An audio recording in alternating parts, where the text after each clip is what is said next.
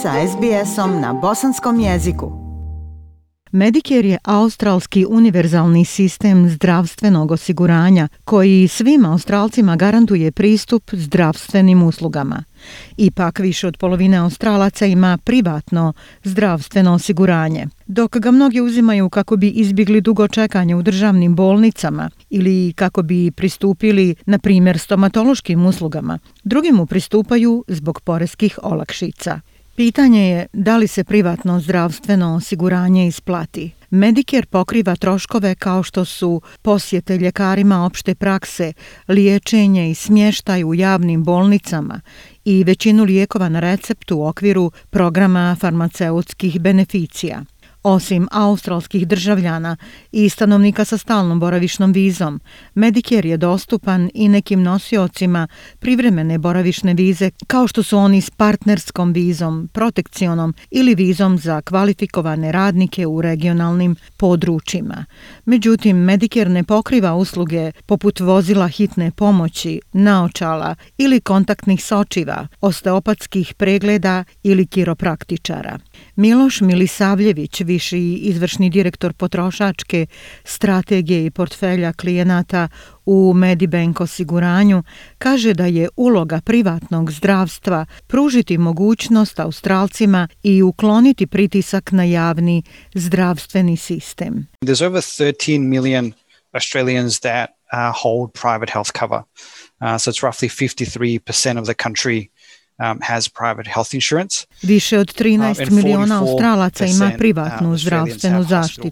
Dakle, otprilike 53% Australaca ima privatno zdravstveno osiguranje, a ukupno 44% Australaca ima bolničko osiguranje. Tako bi otprilike trećina mogla uh, očekivati konzumiranje ili uh, pristup bolničkom sistemu. I tada velika većina naših klijenata pristupa nekoj vrsti dodatno dodatnog pokrića zdravlju, poput usluga, zubara, optičara, fizioterapeuta, a to je obično s ciljem prevencije i zbrinjavanja raznih manjih zdravstvenih problema.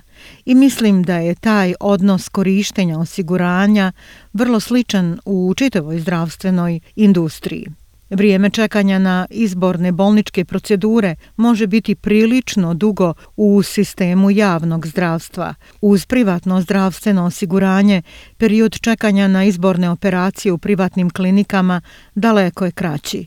Privatno osiguranje također vam daje mogućnost da se liječite kod ljekara po svom izboru. Gospodin Milisavljević kaže da privatna zdravstvena zaštita potrošačima daje brojne prednosti. So one is a peace of mind so that should anything happen to you health-wise or your family, you know that you'll be able to get access to dakle, the right dakle, hospitals. Dakle, jedna od njih je mir uma. Pa ako se bilo šta zdravstveno dogodi vama ili vašoj porodici, znate da ćete moći dobiti pristup pravim bolnicama i ljekarima i procedurama, a sredstva ćete imati na raspolaganju da to platite.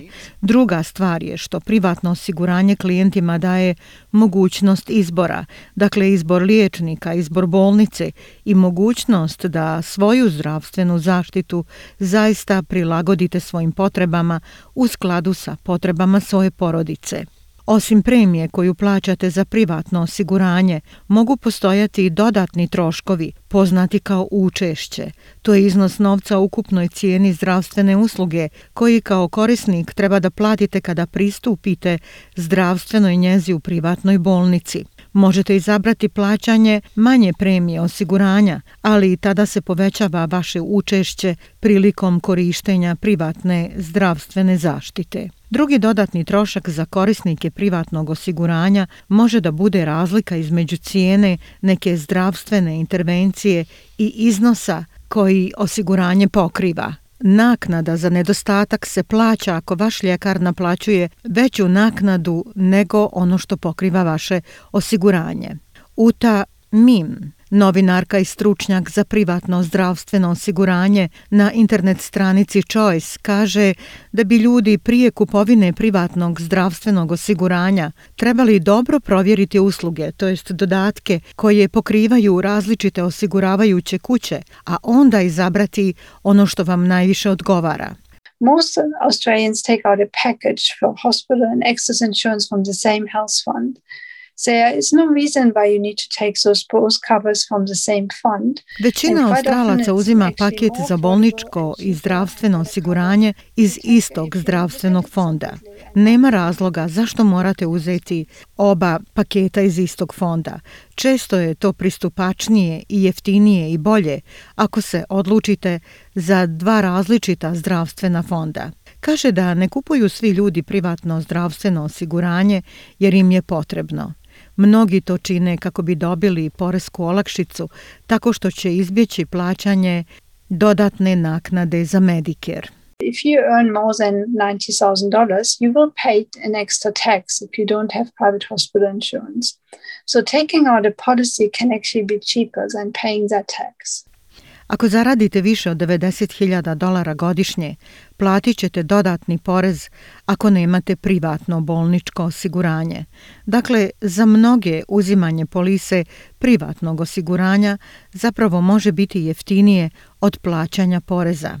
Yu Ting Zhang je profesorica zdravstvene ekonomije na Univerzitetu Melbourne. Ona kaže da vladina intervencija koja podstiče ljude da uzimaju privatno zdravstveno osiguranje uključuje i popuste i dodatno uvećanje premije ako ne uzmu privatno osiguranje prije 31. godine života. The second one is rebates, uh, which provides um, discount for people Postoje popusti za ljude koji kupuju um, privatno osiguranje, a imaju um, prihode ispod određenog praga i koji variraju ovisno o dobi i visine prihoda. Isto tako, postoji doživotno zdravstveno osiguranje koje je osmišljeno da potakne ljude da uzmu privatno osiguranje u ranijim godinama, a oni koji su ga odlučili uzeti kasnije moraju platiti kaznu u vidu od 2% premije za svaku godinu poslije 31. godine u kojoj nisu bili pokriveni privatnim osiguranjem. Profesorica Zhang kaže da iako su vladini podsticaji usmjereni na smanjenje vremena čekanja u bolnici, malo je dokaza da se to događa. Kaže da je to zato što mnogi ljudi ne koriste svoje privatno zdravstveno osiguranje za plaćanje neke medicinske intervencije.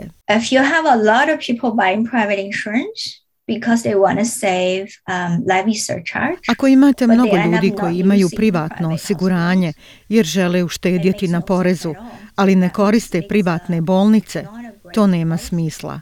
To znači da to nije sjajna politika. Kada se odlučuje o tome Hoće li se uzeti privatno zdravstveno osiguranje? Profesorica Zang predlaže da se procijeni kolika je njegova vrijednost pokrića ako ga trebate koristiti.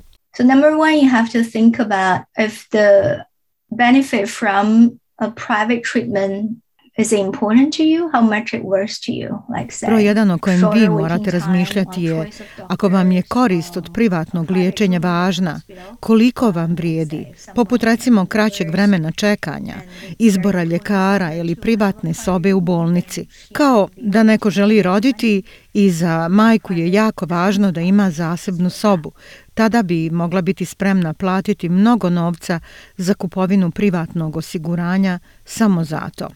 S druge strane, ako nećete koristiti osiguranje, napravite proračun i provjerite ima li ono za vas financijskog smisla. Think about rebates, think about actual tax you have to pay. And a lot of people making decision just because of the avoiding tax. Razmislite o popustima, razmislite o stvarnom porezu koji morate platiti. Mnogi ljudi donose odluke samo kako bi izbjegli porez a onda bi neki ljudi mogli biti spremni platiti malo više poreza za izdržavanje javnih bolnica. I to je u redu. Pa su sretni platiti dodatnu pristojbu za Medicare. Također imajte na umu da niste pokriveni za hitnu pomoć u Australiji, Osim ako ne kupite pokriće za hitnu pomoć ili ako je to uključeno u vašu privatnu zdravstvenu zaštitu.